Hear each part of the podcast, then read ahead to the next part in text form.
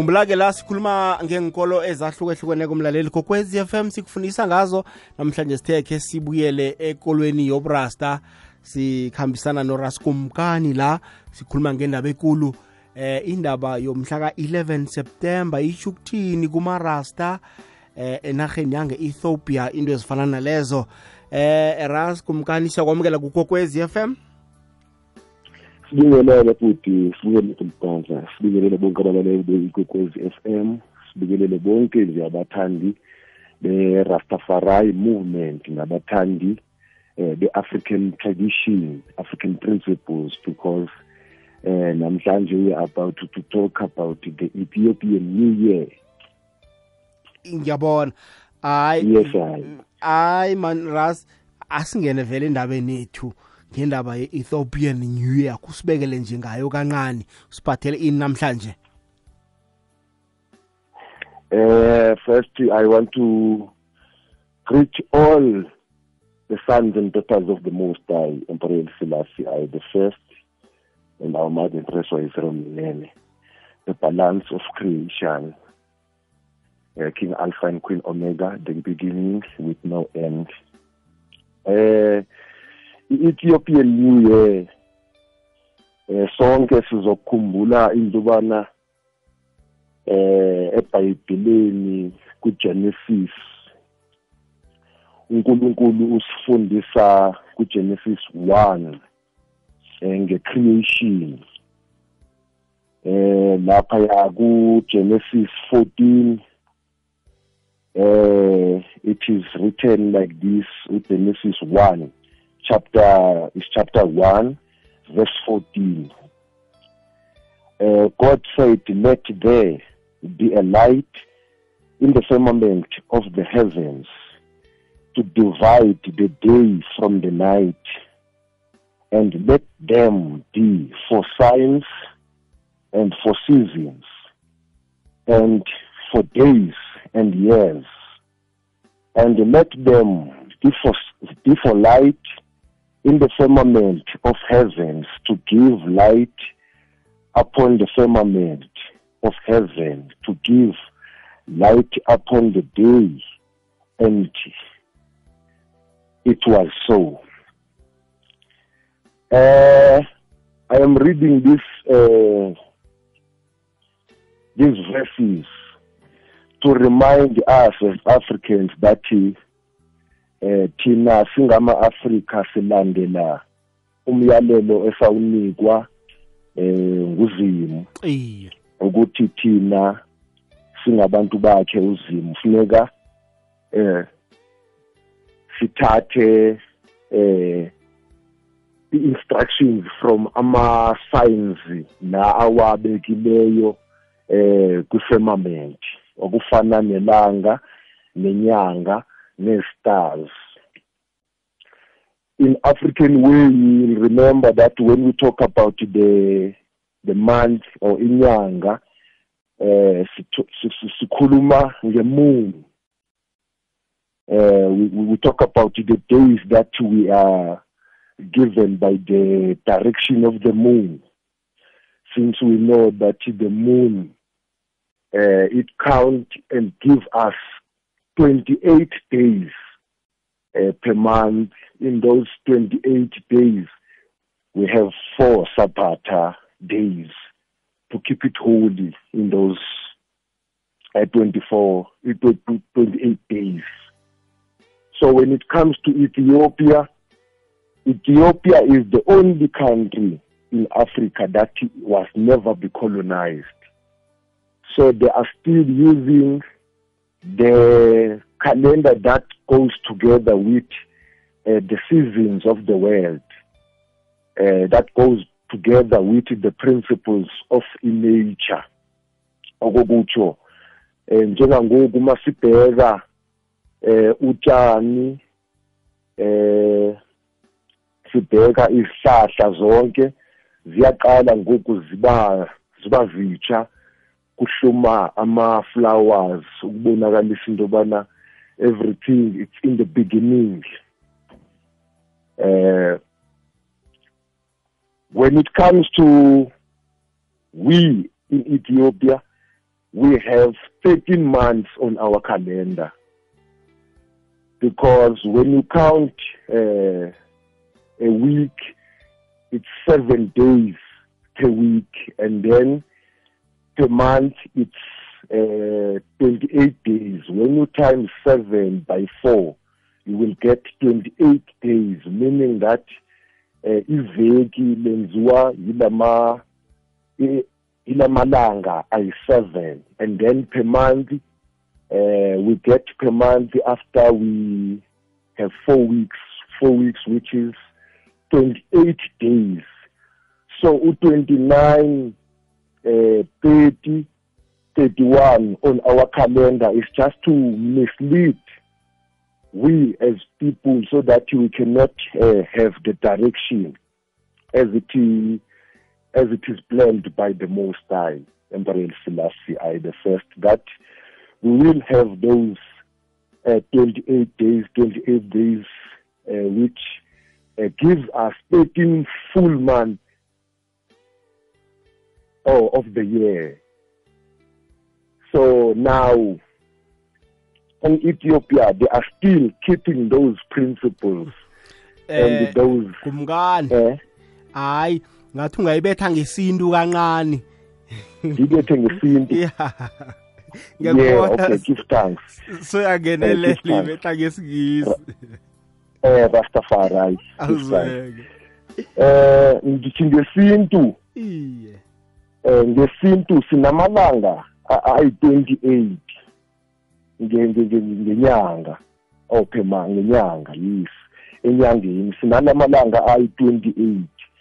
Njengoba sonke siyazi ukuthi eh ma iviki iviki lenziwa ngam- ngamalanga eh, ayi-7 eh kule 7 days eh si times ke ama a- a- a- amaveki lana eh ayi-4 eh into eh 6 times eh 7 times 4 sithi lamalanga njengoba eyi-7 evekini mase siwaphinda ke ngoku kayi-4 le-7 wenza lo 28 days ngesintu os- esaziyo ukuthi usinika the full month eh inyanga ephelele ngoba ngesintu eh sicounter pha enyangeni siyokhumbula into ubana ogogo nomkhulu kuthi xa ngaba eh, bebheka ukuthi isikhathi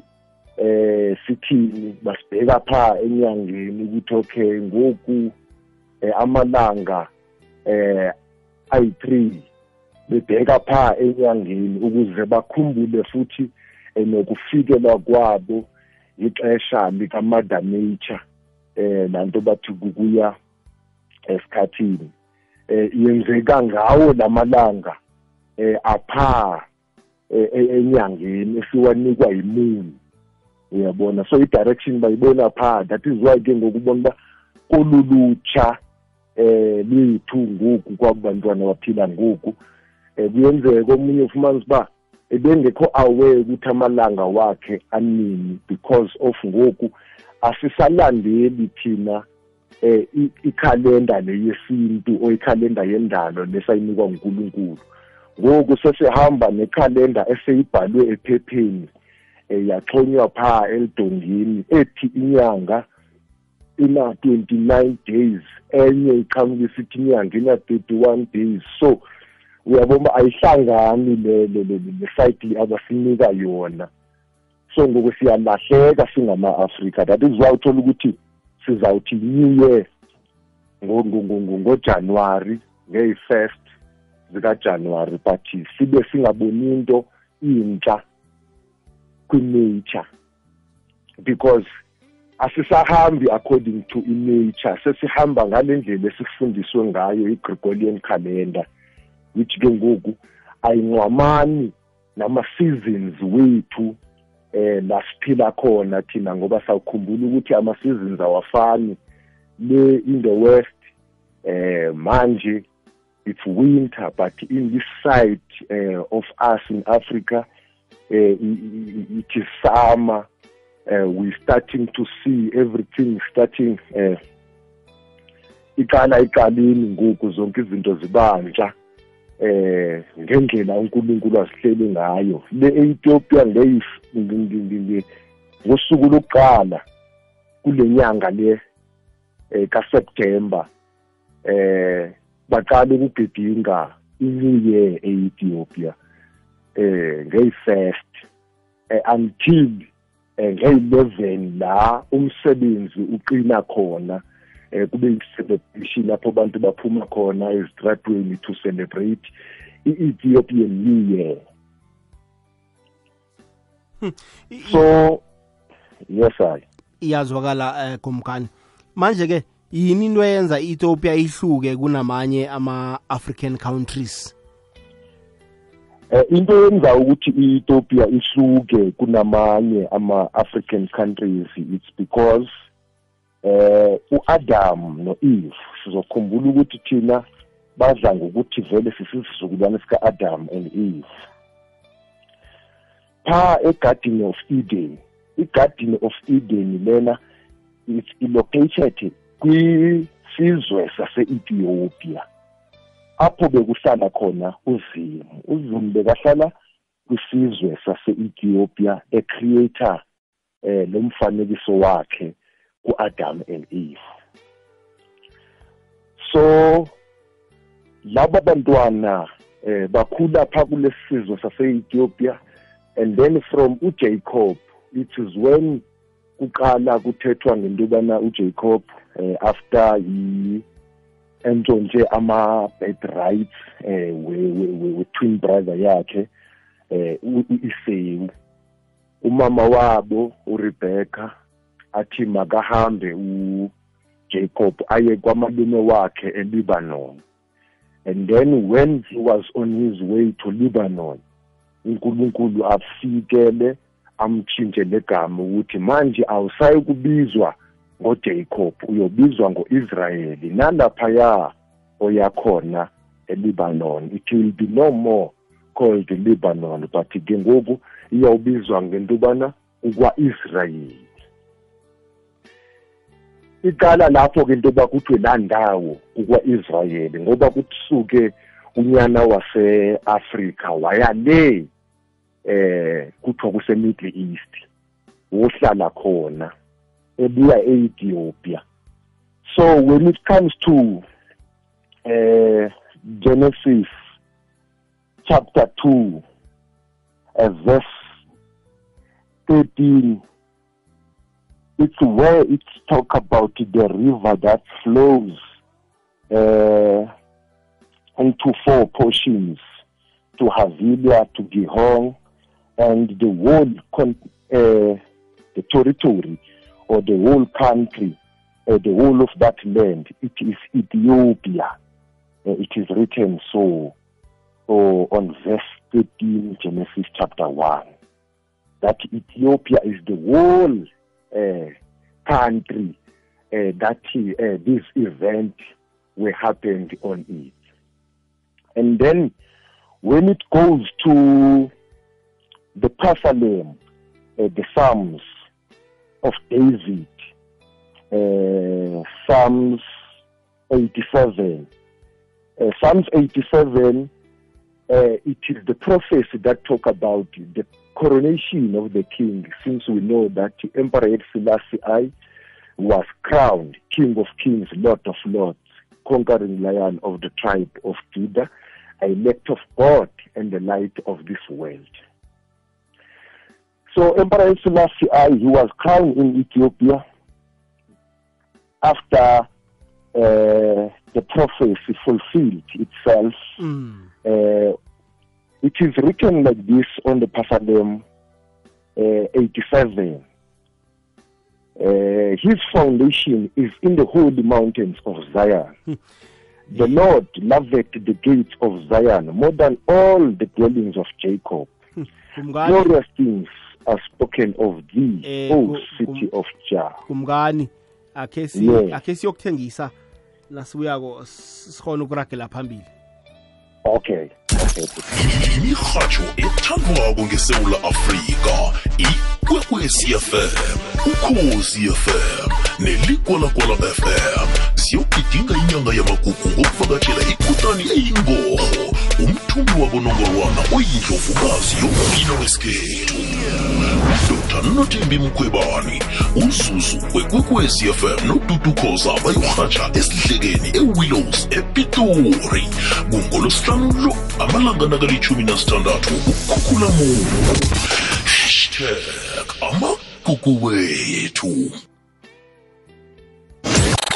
ikwekwezi fm middleburg namaphethelo 91.8 fm sirakuleni phambili balichumi nemzuzu emibili ngaphambi kobana kubethe isimbi yechumi nanye. Yazi ngekolo yakho ngihambisana noras kumkani la indaba ye-ethiopia. Bagidinga unyaka omutsha ngomhla ka-11 septemba ya ras asiragile phambili. Ngikuzwile uphendulile umbuzo bona kuba yini ethiopia ihluke kunamanye ama-country alo eh, i-rastafarian community engaphange esewula afrika yona navamise kuzi-11 september. Yini into eyenzako ngoba ngale nge-ethiopia hayi kugidingwa umnyaka omusha. Akhe sizame eh, kumkani siyibethe nangesintu khudlwana. Okay. Eh ngithi tata nakubalaleli e-Ethiopia sizawukhumbula ukuthi i-Ethiopia isizwe esingakaze sacindezelwa ngamazwe la wabacindezeli. Okukutsho izizwe zangaphesheya zisiza zizocindezela eh, ama-africans. Ukucolonize lanto bathi i-colonization. So le vesi ngilifundayo apha kwincwadi kaDavid eh indumiso sikaDavide eh, it's from verse 1 to verse eh 4 ikhuluma ukuthi eh impanda o ingcambu zakhe uNkulunkulu uzimu zisezintabeni zasesiyoni. Bathi uthanda eh amagate wakulezi ntaba zasesiyoni ukudlula zonke indawo apho bekuhlala abantwana bakhe uJacob. Sikhumbuleke into bana iAfrica was colonized. Yonke beyicindezelwe except iEthiopia. Oh ngiyabona. Eh fulfilling the prophecy that God Almighty his foundation is in the mountains of Ethiopia. And the glorious things are spoken of Ethiopia. That is why we talk about Ethiopia being the only country that is never be colonized. Well all other countries in Africa were colonized. So xa kufikwa ekugcineni eh, amasiko nendlela yokwenza eh isiko ama-Ethiopians awazange afundiswe isiko langaphandle. Bagcina isiko likaNkuluNkulu eh, until eh now. Thina singamarasta eh siba khona singabantwana bakaRastafari. Umhlaba wonke ba represent le calendar yase-Ethiopia ngoba sisonke singama-Afrika i-leadership yethu ipha e-Ethiopia that is why kukhona le parliament le-Afrika. La parliament le-Afrika leli uh, it is not uh, by mistake ukuthi ukuthi namhlanje i-African Union. Ibiyivision leyo vele into yobana xa kufu xa sekuhlangana ama-Africans eh efulfilla lanto abathi eh i-organization of African Unity ngoba inhlangano le igama layo lokuqala it was the organization of African Unity. And then ama-Africa la xa esehlangene endaweni eyi-one sesebenzisana as one African United sovereign states bazawukhona ukuthi babe yi-African Union ukuze sikhona ukuvikelana sibheke into yobana omnye umAfrika uphethwe njani kulesi sizwe avakashele kuso. So in that manner in-union lena it will be visible and seen by all the citizens of the world what is the works of this union. But ngoku i-union le ayikwazi ukuthi isebenze ngoba sizokhumbula ukuthi thina xa itshintshwa lento ayizange itshintshwe phaya e-ethiopia. But ke ngokubahlangana opresident bazoyitshintshela la eSouth Africa ngesikhathi sikamongameli uThabo Mbeki. Kuthiwa mayitshintshe lento ibe union but ke sisesenengxaki ezisibamba eh sihlukane singama-Afrika zisenze silwe sodwa. Ingxaki ezifana nokuzanophobia eh ukubandlululana ukubizana sisodwa ngama-foreigner kuwo lo mhlaba wase-Afrika izinto ebesingeka singekazifundiswa ezo. Sikhona into yoba sisebenze ndawonye singama-Afrika njengabantwana bakaNkuluNkulu endaweni enye.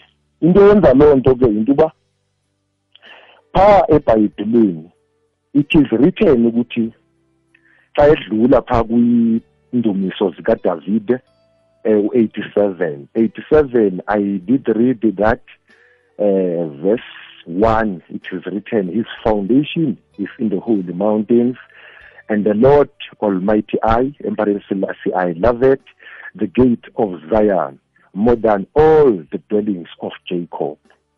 And uh, from verse 4 it i will make mention of rahab and babylonia to them that know I and I.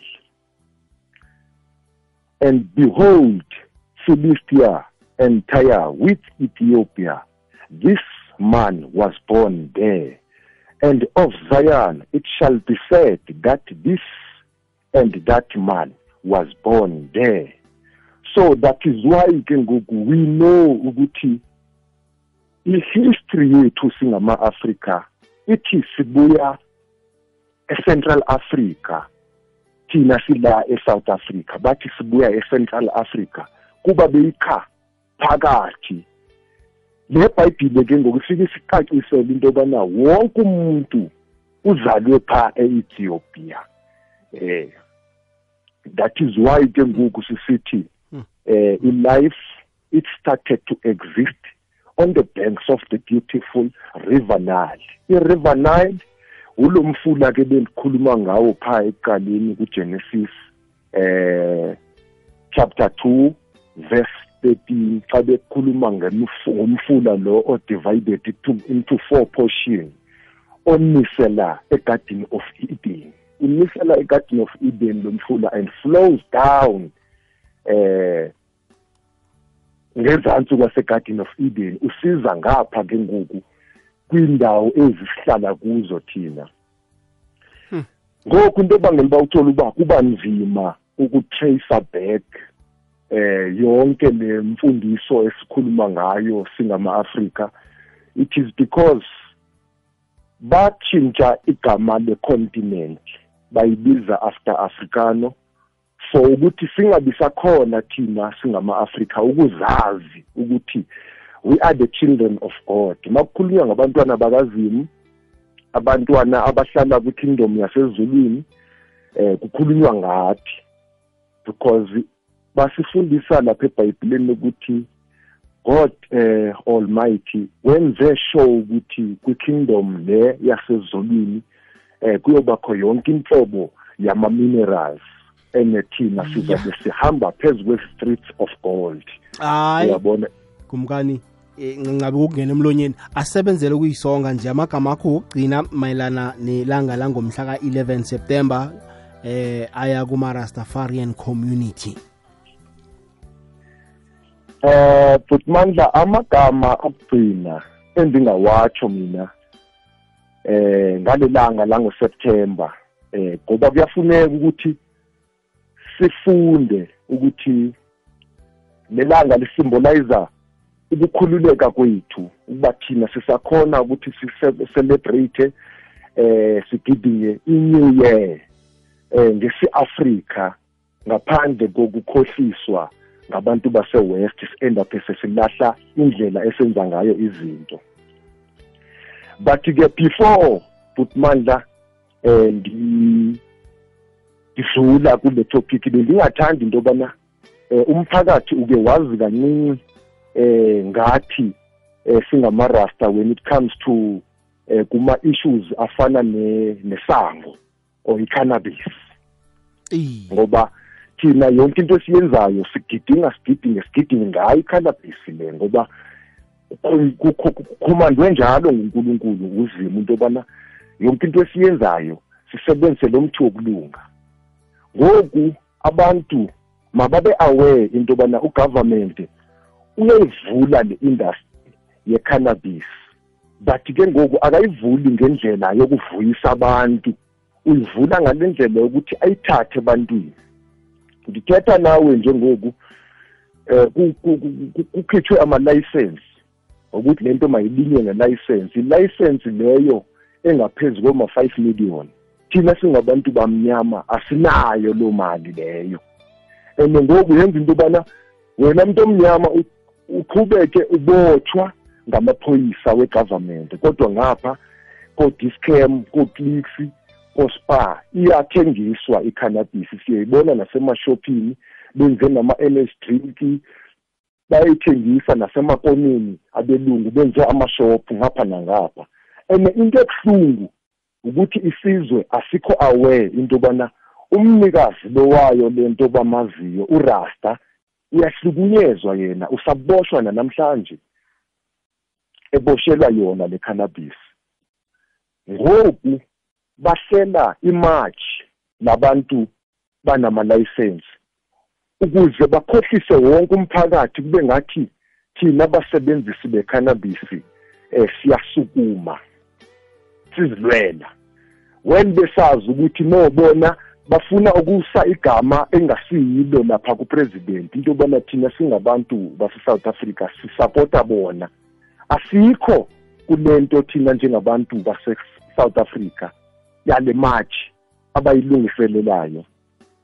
Uyabona? Thina singabantu base-south africa silinde ukuphendulwa ngugovernment kuma-demand ebesiwasendile kuye ugovernment wase-south africa. Into yobana makasiphendule acacise umthetho ogavena eh i-cannabis ukuthi ngoku njengoba kuthiwe i-cannabis from i-ruling ka-chief justice zondo i-cannabis mayikhululeke. The citizens have the right to smoke and cultivate and utilize the cannabis in the manner that they want because it's upon their right. So siyahlukumezeka kakhulu singumphakathi. Kanti eh, siyahlukumezeka singumphakathi wamarasta. Ras nanje nanizibhemela eh isango le? Soloko nisagijinyiswa. Eh sisoloko sisagijinyiswa kakhulu. Kubuhlungu ke tata ngoba asibhemi kuphela. Bafundiswe yithi into yobana ngensangu uyakhona ukuthi uphelise nalento bathi i-covid mm. uphelise i-asthma uphelise i-cancer.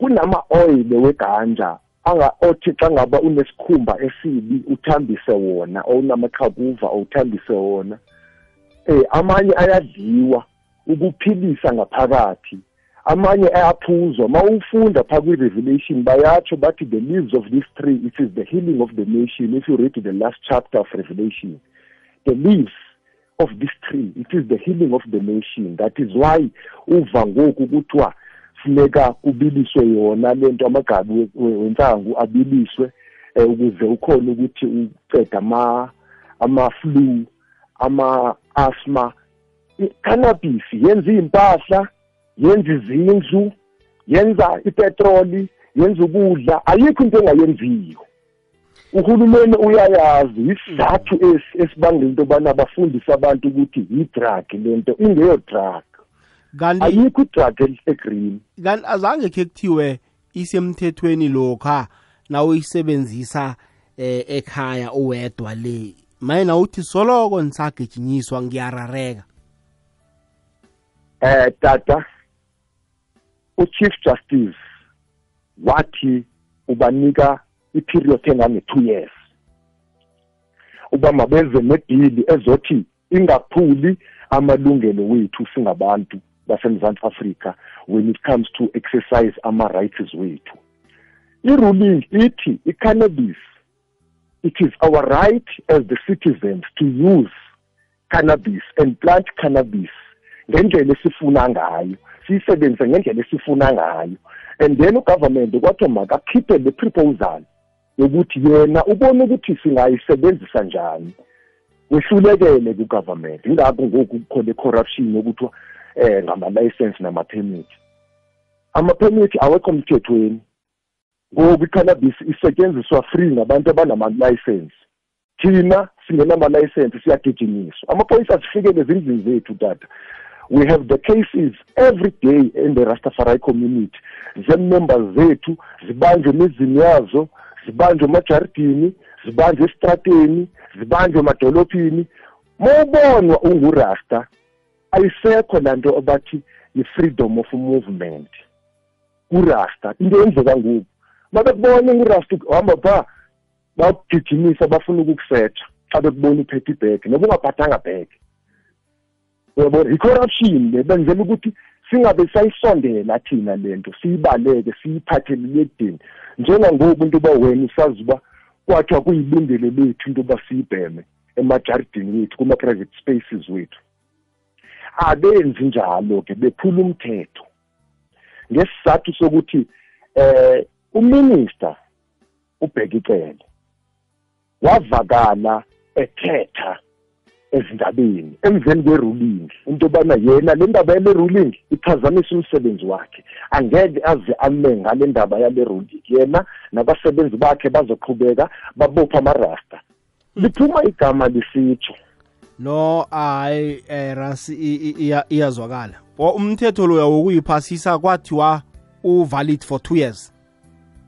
Kwathiwa maba eh banikezwa iperiod ye-two years. Behluleka-ke yedlula i-two years. Ngoku akunamthetho eh ubambekayo ngokwesiwunikiweyo singama-citizens ukuthi eh kumele eh singadluli phi kumele senze njani? Oh, ngoba ku- iphikisiwe yonke lento bebeyicela kuthi into yokuba masivume lama-license kodwana na usekhaya uzisebenzela yona usekhaya umraro awukho lapho.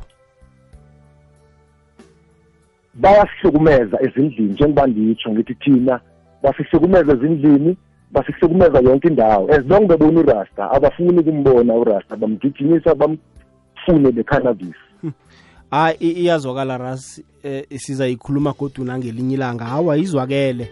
Sithokozile ukuba nawe namhlanje wasitshela ngeseptember 11 e-ethiopia. Wayivala soyivala eh ngendaba eh, yama-cannabis. Um ndiyabonga kakhulu butmandla singajabula kakhulu uma sinokuloko sithola elithuba into yoba sizikhulumele. Indaba ye-cannabis mayaziwe into yobana ngoku uhulumeni uyayithatha kula bantu baziwa ngoba zizibhema cannabis. Zizibhema nsango sekayenze yakhe. Makafundise abantu. Eh sekayifaka ezitolo ngoku sekenzela into yobana ningabi sayithola apha kuthi. Sekenzela ngoba into yobana ibhenywe ngesigareti kusasa uve kuthiwa ibulele umuntu ngoba uyihambisa kuma-chemicals uyimixa nama-chemicals bayimixa nama-drugs. I-cannabis seyinto esingayaziyo namhlanje sokudibana nebhiya kuthiwa ibhiya le-cannabis ya entweni hayi, simarasta saziyo uba siphuzi i-cannabis angeke wenze ezo zinto ngayo. I-cannabis tata okubalulekileyo funeka bakwazi abantu uba ayiyo drug le nto. Mm, hayi. Ayiyo drug le nto. Into ebangela uba uhulumeni athi i-drug it is because iphilisa sonke isifo esikhona and itshalwa phansi lento kangaba wonke umuntu enganemfundiso yokuthi singabhenefitha kangakanani kule cannabis. Angesiphinde sihlupheke. Yiso isityalo esisinikwe nguzimu into yobana sizogqiba le nto bathi yinhlupheko kuthi le. A iyazwakala si- sizayicedelela kodwa nangelinye ilanga. Sithokozile ukuba nawe namhlanje. Izwakele izwakele. Ngiyakuzwa sowufuthumele. Siyathokoza kumkani eh keep thanks keep Awuzweke.